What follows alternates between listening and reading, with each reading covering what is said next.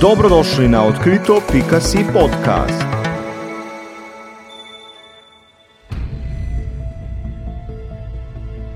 Na milijone ljudi je v zadnjih 20 letih ustvarjalo in premljevalo razne teorije o tem, kaj se je zares zgodilo 11. septembra 2001, ko je svet z groženostjo na televizijskih zaslonih opazoval dogodke, ki so ga zavedno spremenili. Mnoge teorije zarod so vzniknile že tako rekoč naslednji dan. Mnoge so na hitro potihnile, nekaj pa jih trdovratno ustraja še danes. Nekaterim je sumljivo že to, da obstaja toliko posnetkov napada na svetovni trgovinski center in pri tem jih recimo ne prepriča dejstvo, da je samo na Manhattnu vsak dan okoli 5 milijonov ljudi, med njimi tudi številni turisti s kamerami in televizijske ekipe, kar seveda poveča možnost, da bo dogodek ujet. Dejstva in verjetnost pač niso nekaj, kar bi mnogi teoretiki zarot upoštevali, še posebej, če govorijo proti njim. Vseeno pa si poglejmo tri teorije zarot, ki veljajo za najbolj trdovratne, pa tudi zakaj so bolj malo ali pa prav nič verjetne. Poslušate podcast odkrito.si, ki ga lahko slišite na vaših priljubljenih platformah. Zanimive članke pa lahko najdete tudi na naši spletni strani odkrito.si in na YouTubu, prisotni smo tudi na Facebooku in TikToku. Naše zgodbe pa lahko prebirate tudi v revijah Nova in Uklop Stop. Teorija: napad je bil le krinka za rob. Po tej teoriji je bilo v sefih pod VCM shranjenih za skoraj milijardo dolarjev zlata, obveznic, delnic, denarja in drugih oblik premoženja. Potem, ko so odstranili ruševine obeh stolpnic, pa so iz njih rešili le 230 milijonov dolarjev. Teoretiki zarote tako trdijo, brez kakršnega koli dokaza seveda, da so bili napadi samo krinka za to, da bi neznani tatovi lahko vdrli v te sefe in 700 milijoni dolarjev pobegnili neznano kam. Alternativne možnosti, da bi lahko bilo veliko sefov z listinami, gotovino in celo zlatom uničenih v zrušenju in v požaru, ti teoretiki ne upoštevajo. Poleg tega tudi nekako pozabljajo, da teroristični napad ni bil usmerjen samo v svetovni trgovinski center, pač pa da sta bili v njem udeleženi še dve letali, od katerih je eno trčilo v Pentagon, drugo pa strmoglavilo v Pensilvaniji.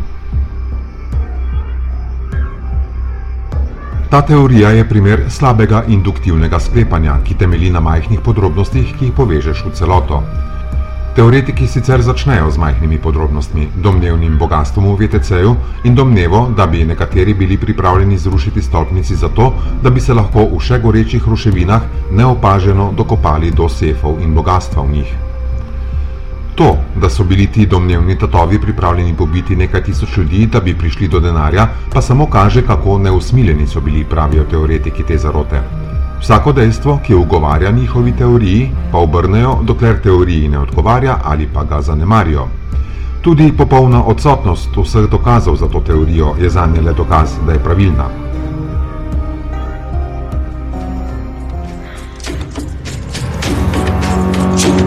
Druga teorija gre za zavarovalniško goljofijo.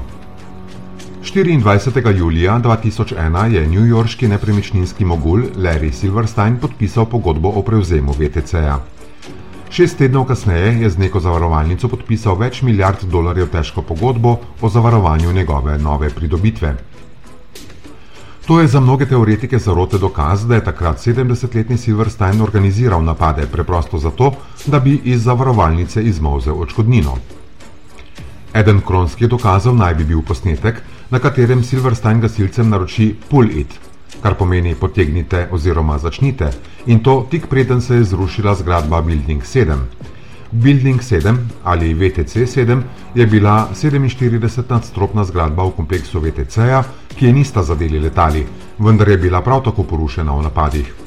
To zgradbo je zgradila prav Silversteinova družba in se je zrušila kar nekaj ur po tistem, ko sta se zrušila dvojčka.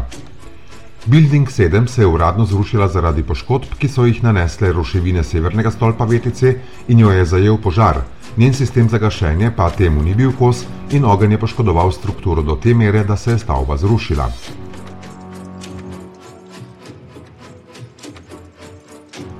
Drugi dokaz teoretikov te zarote so domnevno izginula BBC-jeva poročila iz tega dne. V njih naj bi BBC poročal o zrušenju stavbe Building 7 nekaj minut preden se je v resnici zrušila. Tretji domnevni dokaz pa je dejstvo, da Silverstein tega usodnega dne ni kot ponavadi zatrkoval na vrhu severnega stolpa, ampak je bil na zdravniškem pregledu. Tako je ušel v gotovi smrti. Teorija o zavarovalniški goljofiji je ena tistih, kjer nekaj malega dokazov zmede veliko bolj kot njihovo popolno pomankanje. Teoretiki te zarote tako med seboj povežejo popolnoma nepovezana dejstva in tako ustvarijo sliko, ki je za nje popolni prikaz impresivne zlorabe napada. Ne upoštevajo recimo dejstva, da je Silverstein, ko je kasneje v resnici zahteval odškodnino, trdil, da je vsako od obeh trčen letal v zgradbo treba šteti za poseben teroristični napad, tako bi lahko odškodnino podvojil, kar mu sicer ni uspelo. Čeprav je seveda tudi to na vse nespodobno, pa ne dokazuje, da je Silverstein organiziral napad. Če bi ga, bi verjetno poslal še kakšno letalo v svoje zgradbe in tako poskusil potegniti še več denarja.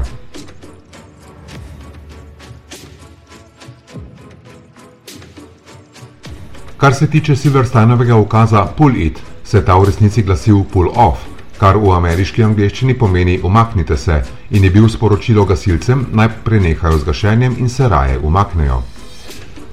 BBC-jevo poročilo o zrušitvi zgradbe pa ni bilo izgubljeno, pač pa je bilo takrat narejeno v živo, ne da bi bilo potrjeno od katerega koli drugega vira. In tudi zavarovalna pogodba, čeprav je bila za teoretike zarote sklenjena v ravno pravem času, ni dovolj zgovorno na ključje, ki bi lahko služilo kot dokaz, da je postovnež, pa čeprav ima verjetno veliko masla na glavi, bil idejni vodja enega največjih zločinov v 21. stoletju.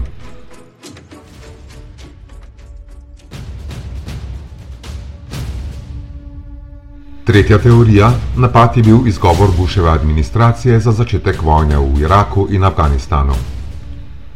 Na začetku leta 2001 je ameriško gospodarstvo bilo v slabem stanju. Kitajsko vojno letalstvo je zajelo ameriško vohunsko letalo, zadnje volitve so bile farsa. Predsednik Bush mlajši je imel zato zelo slabe rejtinge. Edina stvar, ki bi lahko rešila njegovo administracijo iz politično-gospodarske zagate, je bila torej dobra stara vojna po možnosti nekje, kjer je veliko nafte in čim prej, to bolje. Edini problem pri tem je bil, kako navdušiti množico, da bi svojega vodjo podprla. In tako se je v temačnih prostorih Bele hiše ali Pentagona rodila ideja: porušimo VTC, da bomo imeli izgovor, da lahko napademo Irak in mu ukrademo nafto. Tako vsaj sklepajo teoretiki te zarote. Ideja sicer zveni briljantno in bi lahko Bushu zagotovila še naslednjih sedem let v Beli hiši. Edino, na kar snovalci te ideje niso računali, pa so bili 20 in nekaj letniki, ki so nekaj ur brskali po Google in zaroto razkrili. Seveda, nihče ne more zanikati, da 11. september ni bil blagodejen za rejtinge Bushove administracije. George William Bush se je preko noči iz sramote za narod spremenil v njegovega zaščitnika. Deset dni po napadih je imel še vedno nepremagljivo 90-odstotno podporo ljudstva. Brez tolikšne podpore si verjetno ne bi nikoli privoščil potisniti svoje države v vojno v Iraku in Afganistanu ali sprejeti represivnih zakonov, kot je bil Patriot Act.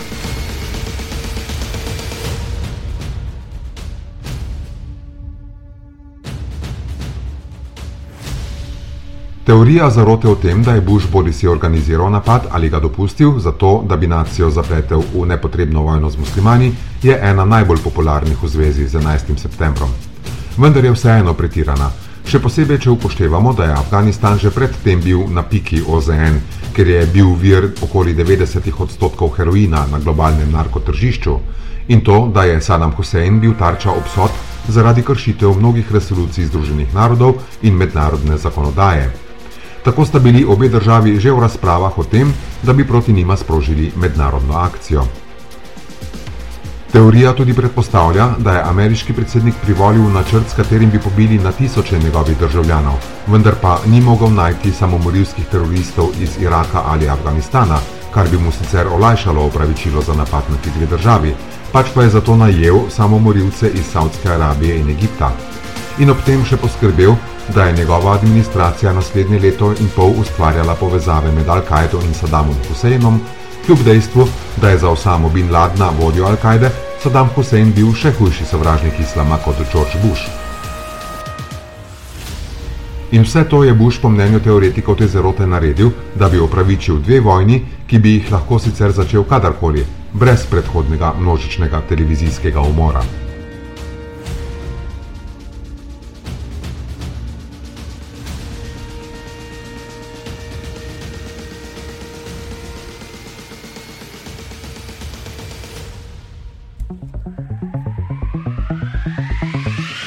Dobrodošli na odkrito.si podcast.